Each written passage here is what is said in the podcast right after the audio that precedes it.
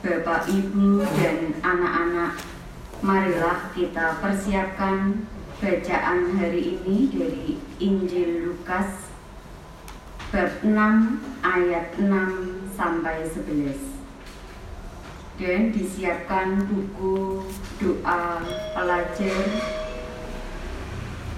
Hari Senin kedua halaman 16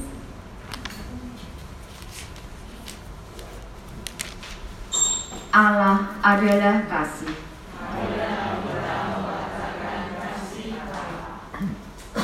Bruder, Bapak, Ibu, dan anak-anak, selamat pagi dan berkah dalam. Marilah kita awali kegiatan kita pada pagi hari ini dengan berdoa bersama.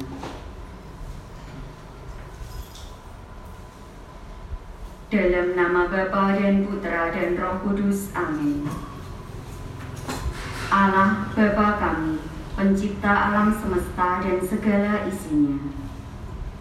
Pagi ini kami bersyukur kepadamu atas tidur nyenyak tadi malam dan seluruh perlindunganmu.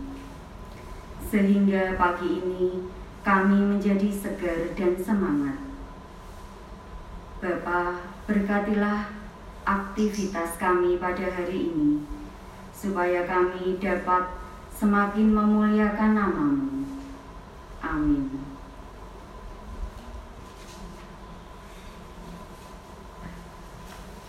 Inilah Injil Yesus Kristus menurut Santo Lukas. Dimuliakanlah Tuhan.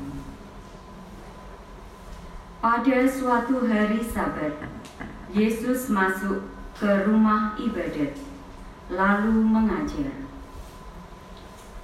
Di situ ada seorang yang mati tangan kanannya. Ahli-ahli Taurat dan orang-orang Farisi mengamat-amati Yesus kalau-kalau ia menyembuhkan orang pada hari Sabat agar mereka mendapat alasan untuk menyalahkan dia. Tetapi Yesus mengetahui pikiran mereka ia berkata kepada orang yang mati tangan kanannya, Bangunlah dan berdirilah di tengah. Maka bangunlah orang itu dan berdiri di tengah. Lalu Yesus berkata kepada mereka, Aku bertanya kepada kalian, manakah yang diperbolehkan pada hari Sabat? Berbuat baik atau berbuat jahat? Menyelamatkan orang atau membinasakannya.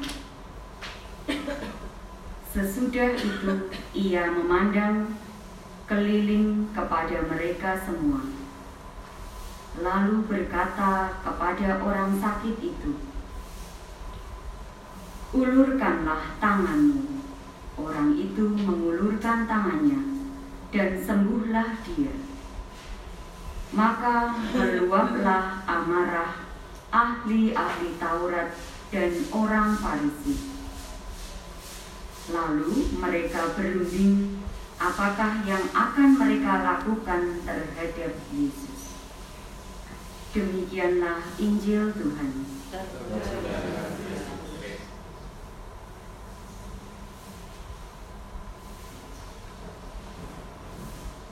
Bruder, Bapak, Ibu, dan anak-anak, Yesus menyembuhkan orang sakit pada hari Sabat. Ia tahu orang Farisi dan ahli Taurat berusaha mencari kesalahan Yesus.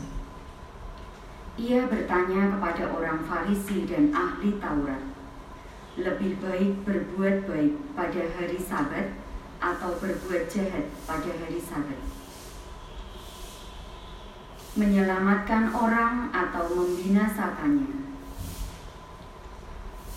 Dari bacaan Injil tersebut, Yesus mengharapkan kita untuk berbuat lebih bijaksana.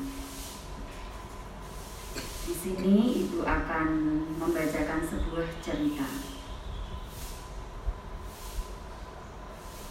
Di sebuah hutan tumbuhlah pohon ara dan pohon mangga. Pohon ini tumbuh bersebelahan pohon ara berdaun lebat, hijau, dan kuat, tetapi ia sombong. Ia selalu menjaga tubuhnya agar tetap cantik. Bahkan ia selalu mengusir binatang atau burung-burung yang hinggap di dahannya. Sedangkan pohon mangga lebih pendek, berbuah banyak. Ia lebih ramah, sopan, riang, dan murah hati. Setiap burung atau hewan yang datang boleh makan buah mangganya ataupun berteduh di bawah pohonnya. Bahkan sekelompok lebah yang sudah diusir pohon ara diperbolehkan membuat sarang oleh pohon mangga. Suatu hari ada dua penebang pohon mencari pohon mangga. Mereka akan menebang pohon mangga tersebut. Tetapi setelah melihat sarang lebah yang berada di salah satu dahan pohon mangga tersebut, ia mengurungkan niatnya. Mereka memilih-milih pohon lagi dan ia memilih pohon yang kuat yang ada di sebelahnya, yakni pohon ara. Pohon ara sedih dan sakit hati ia mengaduh kesakitan. Melihat dan mendengar itu, pohon mangga minta tolong pada lebah untuk menolong pohon ara supaya para penebang pohon itu tidak jadi menebang tubuh pohon ara. Para lebah awalnya tidak mau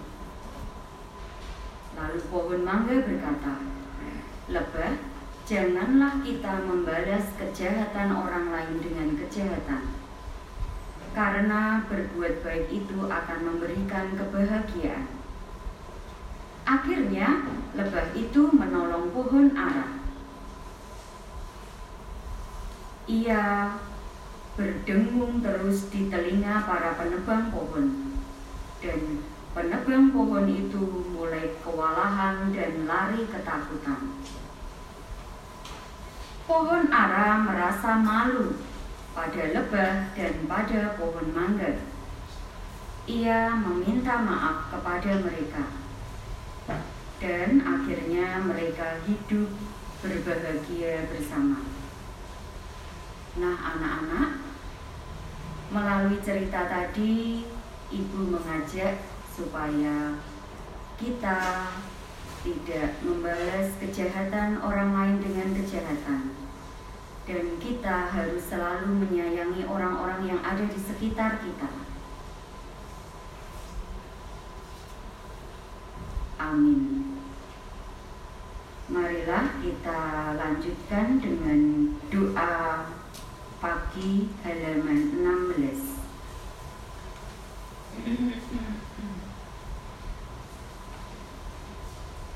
Allah yang maha bijaksana, kebijaksanaanmu telah membimbing kami untuk memasuki terang dan hari yang baru ini. Kami bersyukur kepadamu karena rahmat kebijaksanaanmu itu. Kami mohon bukalah hati dan pikiran kami, agar kami mampu menghayati kebijaksanaanmu itu dalam melaksanakan tugas belajar kami pada hari ini Semoga kebijaksanaanmu senantiasa mewarnai sikap dan tindakan kami demi kemuliaanmu sekarang dan selama-lamanya. Amin. Bapa kami yang ada di surga, dimuliakanlah namamu, kerajaanmu, jadilah kehendakmu di atas bumi seperti di dalam surga.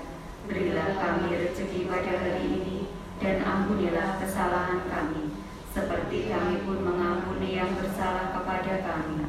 Dan janganlah masukkan kami ke dalam pencobaan, tetapi bebaskanlah kami dari yang jahat. Amin. Kemuliaan kepada Bapa dan Putra dan Roh Kudus. Seperti pada permulaan, sekarang, selalu, dan sepanjang segala abad. Terpujilah nama Yesus, Maria, dan Santo Yosef. Dan. Santo Bernardus, doakanlah kami. Dalam nama Bapa dan Putra dan Roh Kudus. Amin. Selamat belajar, Tuhan memberkati. Amin.